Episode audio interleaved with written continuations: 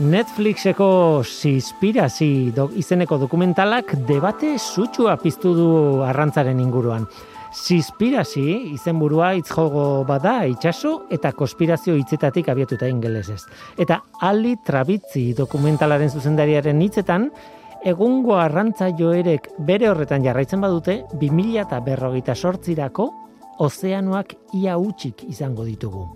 Datu horiek, edo dokumentala egiteko datu horiek, 2006an egindako ikerketa batean oinarritu dira, baina gauzak asko aldatu dira eta hor sortu da debatea.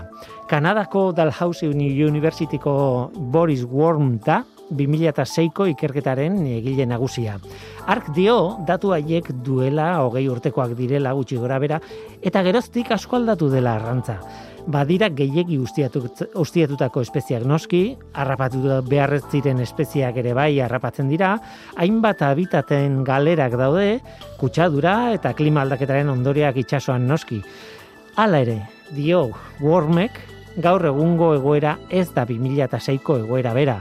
Alegin handiak egiten ari dira arlo askotan jasangarritasuna lortzeko eta maitzak lortzen hasi dira dokumentala bera, bueno, dokumentalaz gain, 2006ko ikerketa bera kritikatu izan dute arrantzaren sektorea ikertzen duten zientzialariek eta beste ditu batzuek.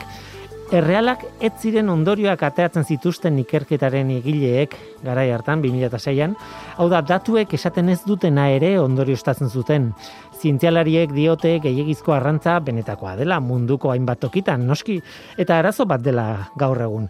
Baina beste toki askotan kontu handiz kudeatzen dela arrantza eta ondorioz estokak berreskuratzen hasi direla.